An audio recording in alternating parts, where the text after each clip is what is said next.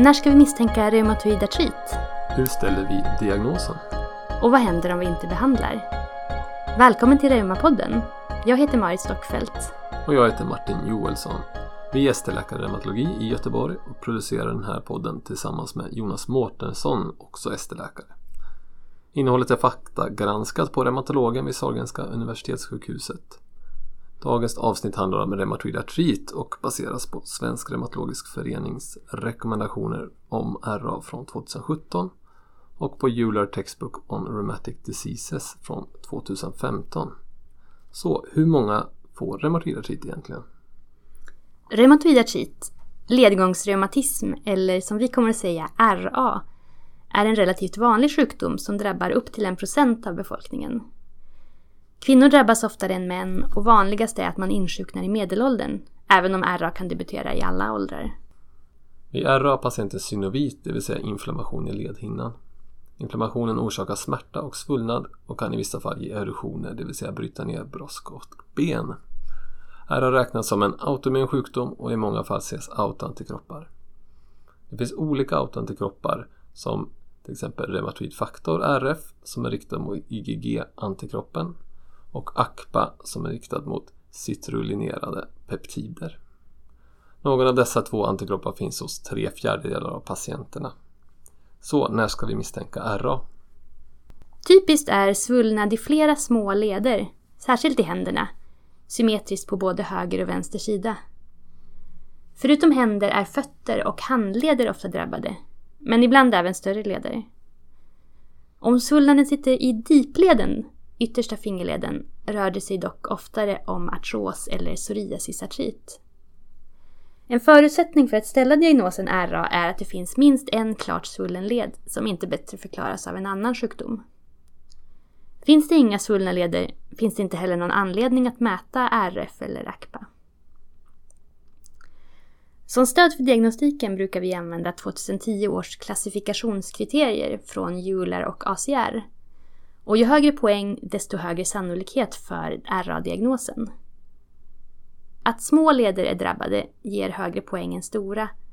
Och poäng ges även för att symptomen varat längre än sex veckor, för förhöjd RF eller ACPA och förhöjd sänka eller CRP. Vad gör vi då i primärvården om det finns klar misstanke om RA?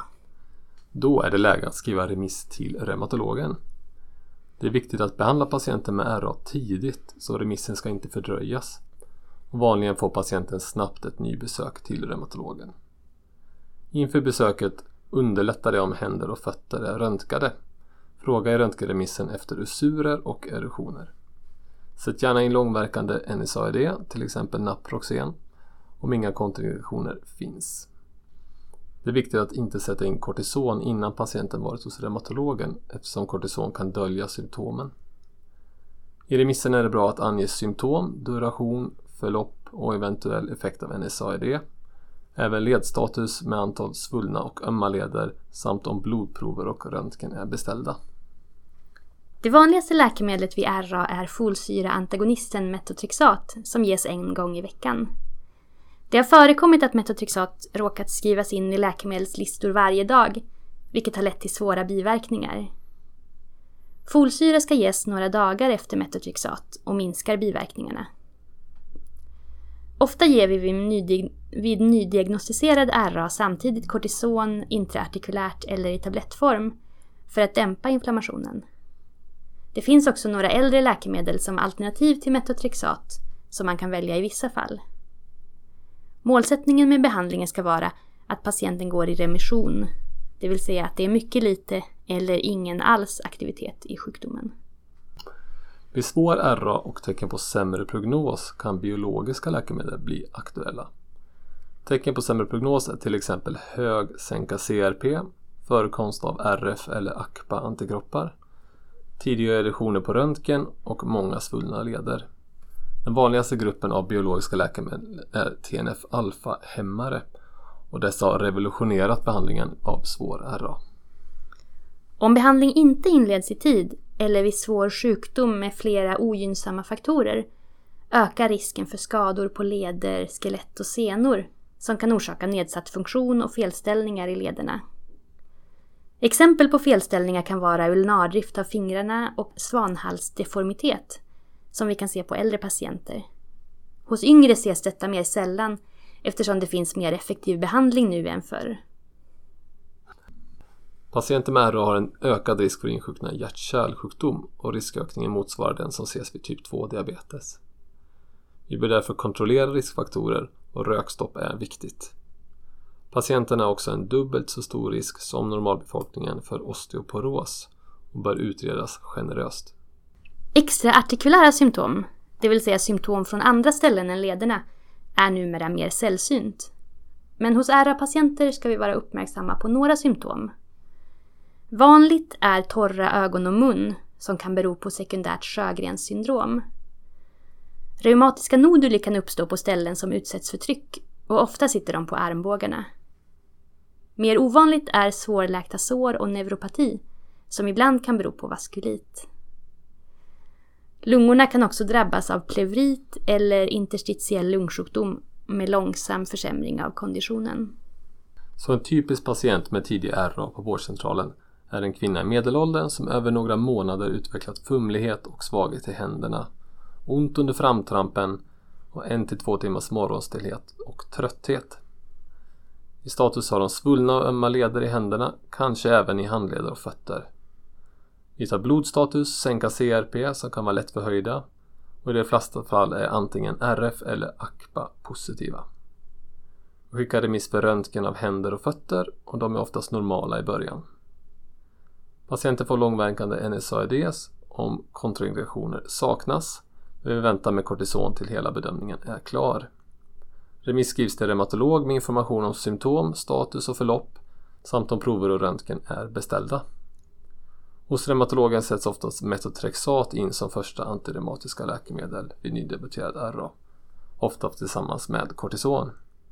Om patienten har dåliga prognostiska tecken eller vid utebliven effekt av andra läkemedel kan till exempel TNF-alfa-hämmare läggas till.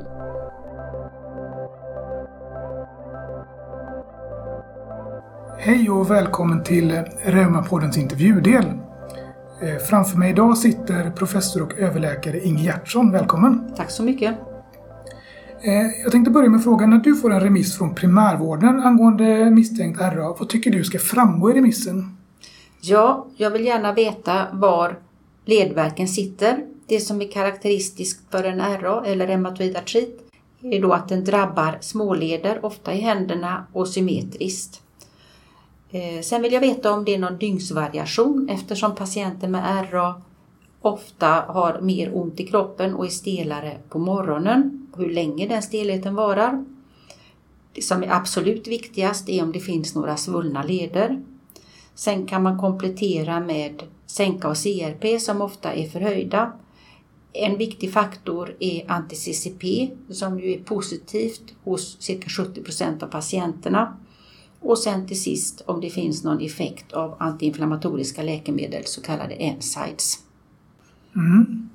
Eh, och, och det, det, har ju hänt väldigt mycket in, inom reumatologin och om man ser vad är skillnaden på omhändertagandet av patienter med RA idag jämfört med när du började arbeta som reumatolog? Jag började på reumatologen under min AT och det var 1989. Och då hade jag hand om reumatologavdelningen och det var då många patienter som var inneliggande därför de hade väldigt ont i sina kroppar och de kunde inte göra så mycket hemma. Vi hade väldigt få läkemedel som vi inte utnyttjade heller på ett optimalt sätt. Vi hade en stor grupp patienter som stod på, stod på guldpreparat, det som kallas för myokrisin. Det är ut, ett utmärkt preparat för ungefär 10% av alla RA-patienter. Det hjälper det verkligen. Sen hade vi andra mediciner som penicillamin som inte fungerar så bra och så vidare. Vi hade lite metotrexat som vi inte riktigt gick upp i dos och när jag började så kombinerade man inte heller olika läkemedel med varandra. Eh, sen i början på 90-talet så började man förstå att man skulle gå upp i metotrexatdos och den här kunskapen är någonting som har bidragit till den stora revolution som vi har sett inom reumatologin när det gällde behandlingseffekt. Man började också kombinera läkemedel med varandra, till exempel metotrexat, salatsoperin och antimalariapreparat såsom till exempel Plaquenil. Eh, så den absolut största skillnaden det är läkemedlen. Sen var det också så att tidigt så väntade man med att sätta in de tyngre läkemedlen tills patienten hade blivit destruerad i sina leder. Och nu har vi vänt på steken så nu går vi hellre in med läkemedel innan det har hänt något för att förhindra att skada uppstår. Eh, jag tänkte, det har ju, det har ju på senare år kommit en mängd olika läkemedel eh, mot just reumatoid artrit eh, och då flera olika biologiska rön. Det var liksom, vad, har du någonting du vill säga om, om dagens biologiska läkemedel? Eh, de har ju varit helt fantastiska. Det är ju en total revolution att få tillgång till de här läkemedlen. Sen så innebär ju inte att man får ett sådant läkemedel att man blir botad. Och om man till exempel börjar med en TNF-hämmare som är det vanligaste och det som kom först så vet vi att ungefär 30 procent av patienterna svarar på detta läkemedlet. Då ytterligare 30 procent blir bättre men inte jättebra och 30 procent svarar inte alls. Eh, sen finns det olika typer av TNF-hämmare och ibland kan man prova att byta och ibland hjälper det och ibland inte. Sen finns det ytterligare en mängd biologiska läkemedel där man kan väl säga att de är ganska jämförbara. Det som inte har fungerat så bra för patienter med reumatoid artrit är IL-1-blockad i formen av det som kallas för anakinra eller Kineret som nog kanske har lite för kort halveringstid för att egentligen ge effekt. Där trodde man mycket på det men det blev ingenting. Så att den tillskottet med biologiska läkemedel i, behandlings, i behandlingsarsenalen har ju varit oerhört värdefullt och alla patienter som är, har en medicinsk indikation för detta ska givetvis ha det. Men sen är det ju också så att man ska för, sträva efter att ha minsta möjliga men effektivast möjliga behandling. Och ibland ingår biologiskt läkemedel och ibland inte. Mm. Eh, och, och, som du säger så räcker ju inte riktigt läkemedel hela vägen alltid och då kan ju livsstilsfaktorer vara eh, viktiga att tänka på. Vad, vad tänker du om det?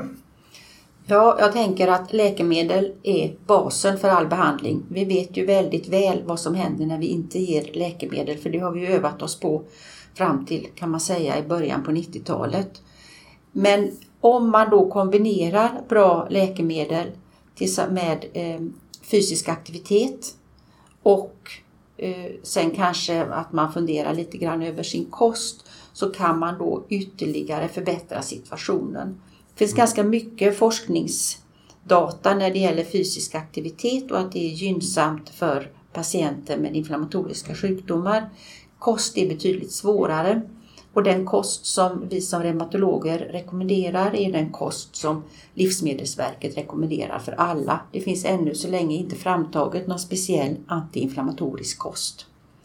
Men det viktiga när det gäller kosten är att man äter en så kallad balanserad normalkost. Gärna med lite inslag då mot medelhavsinspirerat, vilket ju är vad Livsmedelsverket säger. Eh, vad spelar rökning för roll eh, vid reumatoid artrit? Rökning är ju något som har diskuterats väldigt mycket de sista cirka tio åren. Och eh, det har visat sig att om man har en ärftlig benägenhet för reumatoid artrit och samtidigt röker så ökar risken för insjuknande ganska mycket. Så det bästa råd man kan ge till sina barn om man själv har fått reumatoid artrit är att de inte ska röka. Sen finns det också viss forskning som talar för att man har sämre behandlingseffekt om man röker. Och om sen rökningen i sig eller om det är något man inhalerar, för man kan ju tänka sig att man har textildamm eller någonting annat som skulle kunna ge upphov till sjukdom. Det är ganska eh, oklart men här i västvärlden hos oss så är det rökning som man diskuterar. Mm. Eh, och, och sist men inte minst då eftersom det har hänt så väldigt mycket tidigare hur ser det ut framåt? Liksom, vad, vad är framtidens RA-behandling? Ja, framtidens RA-behandling är nog först att vi lär oss att gruppera patienterna bättre. Nu sätter vi diagnosen seropositiv eller seronegativ reumatoid artrit, det vill säga om man har anti-CCP och reumafaktor eller inte. Och sen så som jag sa tidigare då så vet vi att det är ganska många patienter som inte svarar på första givna behandling. Så att det handlar nog om att immunologiskt och möjligen också genetiskt undergruppera patienterna så vi vet att just du ska ha den här behandlingen och du ska ha den andra behandlingen. Det har kommit ett nytt, nya läkemedel nu som kallas för jackhämmare som ser väldigt lovande ut. Det kanske kommer bli jättebra för oss, det vet vi inte. Men jag tror att frågan kommer kvarstå. Vilken patient ska ha vilken behandling? Och när vi har knäckt det här så kommer väldigt mycket att bli bättre. Både för den enskilda patienten som slipper lidande och behandlingsbyten och också samhällsekonomiskt. Och sen det som vi absolut hoppas mest på det är ju då att vi ska kunna förhindra sjukdom. Att, för en autoimmun sjukdom innebär ju en, en attack av immunsystemet på den egna kroppen. Och det, så ska det ju inte vara men toleransen har nog på något sätt bli, blivit bruten. Så vad vi hoppas är då att vi ska kunna förstå vem som ska bli sjuk och förhindra sjukdom innan den har uppkommit. Det är drömscenariot. Väldigt intressant att höra. Men eh, då tackar jag så hemskt mycket för att du ville medverka i podden. Tack själv! Det var dagens avsnitt. Tack för att du har lyssnat. Om du har frågor, funderingar eller synpunkter på innehållet. Kontakta oss gärna på reumapodden vgregion.se